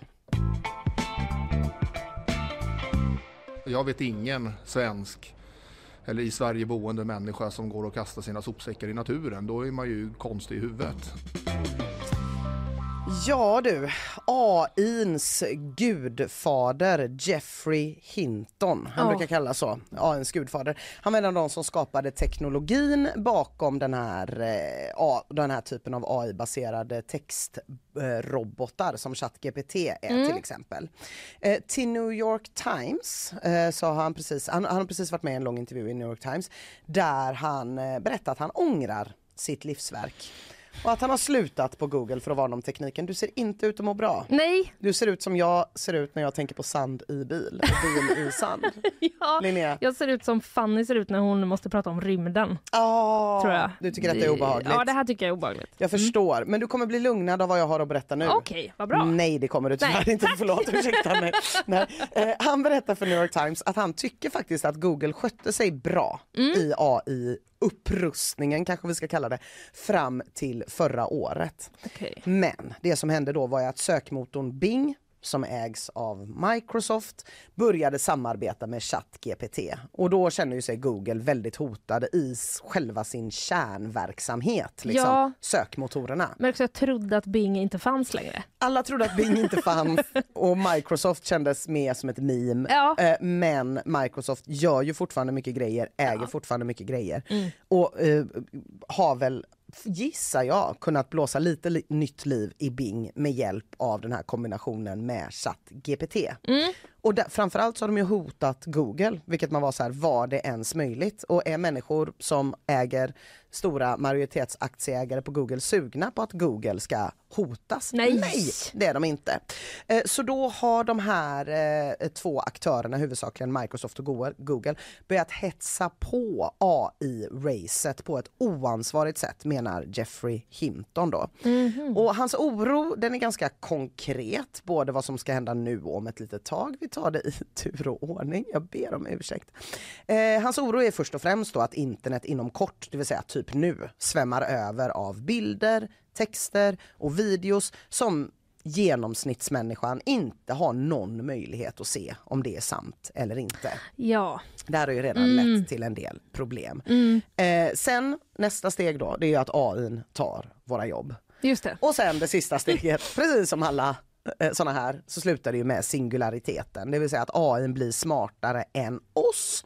Och exakt vad AI kommer göra med den informationen, det är oklart. Men Jeffrey Hinton är oroad och mördarrobotarna är ändå ett ord som nämns. Ja, ja, ja. Alltså, eh, om vi bara ska gå på fantasin vad som kan hända Ja. så kan det ju hända väldigt mycket. Nej men det kan det ju. Ja. Och just vad, vad, vad som händer när AI vet mer än vad vi gör Mm. och tar egna initiativ. För vi vet att AI tar också dåliga initiativ. Ja. Eh, baserat på bristfälliga saker. Men i kombination med att de ibland tar väldigt bra och smarta initiativ baserat på bra saker. Det gör ju att det här blir väldigt svårt. Och hur kontrollerar man någonting någonting som är mycket smartare än en själv på vissa sätt, menar Jeffrey Hinton. Han säger att det som behövs nu, det är regleringar som är globala och lägger band på Microsoft och Googles konkurrens om att hetsa på AI. Så heja dem, antar jag. Ehm, han säger också att han inte tror att det är särskilt troligt att det kommer hända. Men ja, jag försökte ändå det jag var- försökte var sluta on a positive note. Ja, det gjorde du. Eh, det, har ju, det kom ju också, alltså nu under helgen har det också kommit, eh, nu kommer jag med min, mina ungdomliga kunskaper, Ja. en eh, AI på Snapchat. Har du lagt märke till det? Nej, berätta. Nej, eh, jag vet inte vad det är. Det bara dök upp som en... Jo, eh, jo, jo förresten. Jo, ja, jag vet visst. Min dotter My berättade AI detta. eller någonting. Mm, Min dotter berättade detta att förr var man tvungen att betala på Snapchat för att få tillgång till AI. Men nu Mhm. måste man tydligen betala för att slippa AI, sa hon. Det är väl otroligt Ja, illavarslande. Det här är då källa mitt barn. Ja, ja, Eh, I och för sig det är- smart 14-åring, Vivi Ja, ja. Simonsson. Hör av er till henne om ni har några problem med det uttalandet. Ja, nej, det var obehagligt i alla fall. Det bara dök upp eh, från ingenstans. Alltså, jag använder ju Snapchat eftersom vissa i min familj inte har iPhone och då kan vi inte ha någon slags bra kommunikation. Nej, just det. Det här är ett moment som har stört mig länge. Men Ja. eh, då dök det i alla fall upp att det bara kom så en vänförfrågan från någon sån My AI. Så Ja. kommer något obehagligt trevligt meddelande. Ja, nej men det är ju så, det blir ju mer och vi har ju haft liksom låtar med artister där folk har sagt ja ah, men det här Ja. är ju inte rätt person och, Mm. och sådär. Så att eh, ja, vi får, vi får det, det är det, jag, jag tycker, jag som ganska teknikomfamnande person tycker Mm. också att det inte är helt skönt. Nej. Framförallt just den här hetsningen där man tänker att det är två stora aktörer som äger typ så sjukt mycket och där det är så många människor som har investerat. Ja. Och så många företag som är beroende av att just, alltså det är så många företag och så många anställningar som är beroende av att Google vinner och det är så Mm, många som är beroende av att Microsoft vinner. Det är liksom ett högre, ja, det, det är mycket som står på spel och det känns ju som att de bara kunde så här chilla lite och vara lite så här there's AI enough to go around for everyone. Ja, verkligen. Och också titta på en enda film om AI. Ja. Hur slutar den? Ta det som en ledtråd. Nu är det sjukt jobbigt faktiskt. Mm. På ett positivt sätt. Snälla någon, vad var Ja. det? Det vet man inte. Gift vid första ögonkastet. Okej. Mm. Sjukt jobbigt på ett positivt sätt. Har någonting någonsin känts sjukt jobbigt på ett positivt Jag vet inte. Det var nog bara det var ett sätt att rädda kanske. Jag tror det. det. Man, eh, Mm. det man sa. Ja. Eh, du, har du hört talas om dottereffekten? Nej. Det är en effekt eh, som eh, visar att eh, företag som leds av män med döttrar blir mer jämställda än företag som leds av män utan döttrar. Ah, jag trodde att du skulle säga en företag som leds av kvinnor. Och tänkte, det här var otroliga nyheter. Det hade varit otroligt. Kvinnor är nu helt överflödiga. precis. Pappor med döttrar är bättre på att vara feminister än kvinnor. Och Okej. lägger bara Eh, ma- massor. Ja, det är bara män med döttrar bättre. Spännande. Ja, då blir, då, om, eh, om företagen leds av män och döttrar då blir företagen mer jämställda. Ja, Mm, det visar en ny studie från Högskolan i eh, Jönköping. Eh, en av författarna, Lucia Naldi, säger eh, när ens dotter upplever orättvisa börjar papporna reflektera och ändra beteende. Det är lite pappafeminism eh, Precis. i detta då. Det är ett ord man inte har hört på länge men för Nej. några år sedan så var det mycket snack om det att eh, eh, unga män som fick döttrar plötsligt såg eh, hur patriarkatet påverkade deras döttrar Mm. och då eh, spelade in en video när de till exempel satt i en bil eller Ja. någon annanstans Ja, och pratade exempel. om deras På stranden i nyfunna Laholm kanske. Mm. feminism. Ja precis, Blev ofta, det var ju ett ganska hånfullt epitet, pappafeminist. Ja, ja. Det var ja, ju under en. Mm. mer naiv politisk tid när man typ tyckte att det var värt att hetsa om, istället för typ rätten lite- till abort och sånt. Kommer ni ihåg den Ja, tiden? den tiden när man var så, åh gud vad cringe, en kille som låtsas att han är feminist, boo. Nu är man typ så, åh en kille som inte lyssnar på Andrew Tate, yay. Ja, det har gått fort. Ja, det, eh, det svänger eh, här, det gör det. Den här studien i alla fall heter Att lära sig från sina döttrar. Mm. Och eh, den baseras då på företag läser som är startade av män mellan 2004 och 2017 i, i Sverige. Och det var väl ändå lyckat, eh, tänker jag, det här eh, resultatet då. För det var just syftet att undersöka hur bolagen påverkades av att, eh, det faktum Ja. att vdn fick en dotter. VDn fick Ja, den. så då kunde de ändå då se det. På, jag är på DN och läser det här, ska jag säga. Då, I bolag då med en vd eller grundare som även var pappa till en dotter så ökade andelen kvinnliga anställda med 11 procent. Och andelen kvinnor i styrelsen ökade med 4 procent. Och det är ändå procent, det är ändå rejäla siffror. Alltså 11 Ja. procent är ju, Ja, det är ju märkbart liksom. ja verkligen. Gud vad spännande. Ja, hon, eh, Lucia Naldi då, eh, som är en av författarna bakom studion, hon säger så här. Tendensen annars är ofta att man anställer personer som är lik en själv. Eh, eh, som är liken eftersom det är bekvämt. När man startar ett nytt företag är det därför vanligt att även styrelsen består av män i ungefär samma ålder. Ja, jag vet Mm. inte. Ja, precis.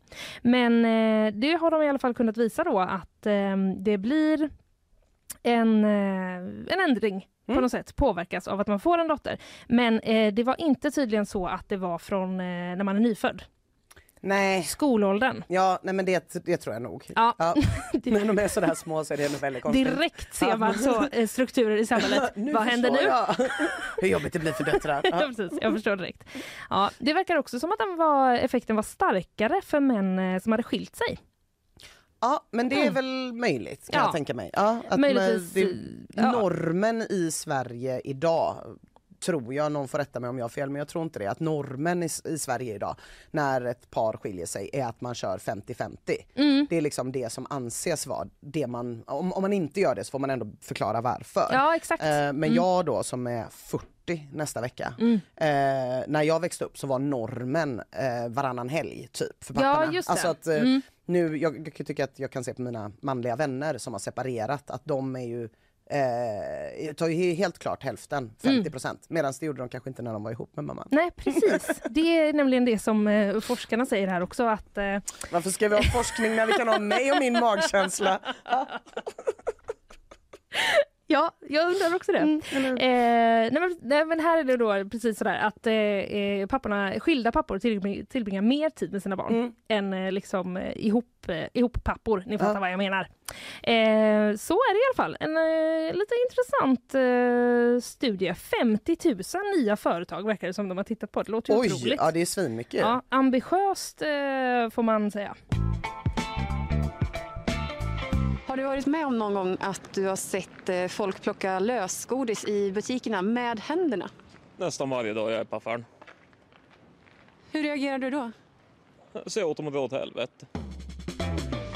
Hade det inte varit lite roligt om det gjordes en studie som visade att kvinnor som födde söner började diskriminera andra kvinnor? Jo. Och bara promota olika män. Hur har, det vill jag veta. Det, det min magkänsla har inget svar på det här. Nej. Så jag vill gärna att ni bara intervjuar, intervjuar ta 50 000 företag, bara intervjua dem och fråga om det har blivit bättre för män på arbetsplatser när ehm, det är fan inte omöjligt. Ah, Okej, skitsamma. Det var inte det jag skulle berätta om nu. Nej, men ett nytt spännande uppslag för dem i Lund. Ja, precis. Ja. Som sä- säkert sitter på kammaren och undrar vad de ska forska på nu. Det tror jag. Eh, och det är uppmaningen att stör fisken, den ska Mm. in i älven. Ja. Ja, det kunde man läsa om i GP. Där står det så här, de är goda att äta, producerar exklusiv kaviar. Ja, det känner Det jag är igen. därifrån störk, alltså den finaste kaviaren kommer, den här Ja. svarta från Ryssland. Mm. De kan bli flera meter, de kan väga flera hundra kilo och de kan lägga miljoner ägg. Vid förra sekelskiftet då, då Mm. fanns det störar i Göta älv. Och nu vill eh, Sportfiskarnas Linnea Jägerud återinföra dem. Det är en jätte det är en mystisk fisk som var jätteviktig för oss förut. Vi har bara glömt bort det. Och stören, inte stören, inte intervjuad i den här men Linnea säger så här. Stören är en stor cool drake som fanns förut som vi dödade och nu har vi möjlighet att få tillbaka den. Och som bebis är den verkligen urgullig. Nej, men, Vad tror du om det här Linnea? Eh, jag tycker det låter trevligare med den som bebis än Mm. att den ska simma runt en 600 kilo Ja. tung drake. Drake, ja. i, eh, nej men, man kan ju ramla. Det Ja. finns ju... Eh, ja. Nej men det kan det ju verkligen. Nej men gud och den kommer ju leta sig ut. Ja, såklart. ja, ja. Den kommer inte bara vara här. Den kanske till och med letar sig in. Ja men precis. Alltså, Alltså- då måste de, alltså jag, jag står bakom Linnea Jägeruds rätt att få fiska upp en 600 kilo stör här Ja. om 60 år. Men då vill jag att det är ett nät ut mot Saltholmen. Ja, Som de inte kan ta sig förbi. Ja. För jag vill inte när jag ligger där och nakenbadar med de andra tanterna att det ska vara en stör som liksom... Det låter fruktansvärt obehagligt. Eller Men hur? eh, det, ja, just det. Jag tänkte inte ens på liksom, eh, själva badplatsen. Jag tänkte bara på risken att ramla i kanalen Just typ här. ja. Och så är det någon sån som bara kommer att öppna sin käft. Men alltså, det kan ju mycket väl vara så att de eh, är jättesnälla. De kanske inte ens hade brytt sig om de såg en människa i vattnet. Kanske, men kanske inte. Jag vet inte. Den växer i alla fall väldigt långsamt. Så den kan ju, liksom, vi kanske inte behöver oroa oss för det. Här kanske får bli Nej. ett problem för våra barn. Så vi kanske helhjärtat bara kan ställa oss bakom sportfiskarna och säga det är klart klart kidsen ska ha stör. In med stören. Eh, Man kan tydligen köpa dem som tonåringar redan så då kan det kanske bli om Ah, 80 år då. Men då, okej. då, då är ju kanske inte vi kvar i alla fall. Det känns lugnt. Eh, anledningen att eh, Linnea vill ha stör är ju då dels att de är väldigt goda. Mm. Men de är tydligen ganska roliga att fiska också. De är ganska långsamma men det tycker jag känns lite taskigt. Jaha, Ja. det är därför vi inte har dem längre Ja, kanske. kanske För att, att de var för långsamma. De, bara, de kanske bara är jättesnälla giants Ja. som ligger där på botten typ och så vinkar man till dem och säger Mm. så hallå och så tar man dem, tar alla deras ägg och äter sashimi. Jag vet inte. Men det här är i alla fall någonting man kan läsa mer om på GP och det var härligt att läsa om Linnea Jägerud. En mycket entusiastisk sportfiskare som vill se stör. Ja, det så är det absolut. Jag blev lite distraherad nu. Vi ska faktiskt ta och eh, stänga ihop den här butiken för idag. Visst är det så? Ja, Karl eh, skriver avslutningsvis vill man veta varför Linnea skjuter på deklarationen till sista dagen. Eh, jag har inget bra svar på det, men vad bra. För att, för att hon inte är en jävla plugghäst. är inte det ett svar? Ja, vet du vad? Jag tror att det är exakt därför. Jag ville bara inte säga det själv. Eh, men vilken bra påminnelse också om att jag ska deklarera. Det är sista dagen idag. Ja. Gör det om ni inte har gjort det. Eh, Ina, du ska kolla om du behöver deklarera. Det ska jag kolla. Ja, eh, det kan eh, vara bra att eh, undersöka för det blir typ 2000 spänn i straffavgift. Det vill inte jag ha. Nej, det vill man inte ha. Eh, idag har vi pratat om en himla massa grejer som vanligt. Jag gick igenom, berättade lite om Elsa Widding, sverigedemokrat och riks- riksdagsledamot, numera inte sverigedemokrat längre. Hon lämnar partiet, blir politisk vilde, berättar hon i en video på sin Youtube-kanal. Vad pratar du om? Jag har ju pratat om Pugh Rogefeldts 50 år som artist. Ständigt experimenterande och ständigt med publiken på sin sida. En ovanlig kombination. Ja. Eh, Och sen har vi ju haft ehm, Hanna Sar hade vi här. Hanna Sar här ja. Ja, Just det. pratade om eh, vår eh, granskning här på GP, det svenska kejsarsnittet, eh, som handlar om då hur vården av förlossningsrädda är eh, ojämlik Mm. i olika delar av landet. Sen kom vi in eh, i bakvagnen och där är vi nu. Ja precis, jag har bara pratat om tre olika djur. Måsar, störar och AI-robotar. Ja, och jag har bara pratat om ställen jag var på på semester när jag var liten. wow, hörni. Det är eh, första dagen i veckan. Vi eh, hämtar oss eh, så småningom. Vi säger väl så för idag va? Jag tror det. Ja, det gör vi. Ha det gott. Ha det gott. Hej. Hej.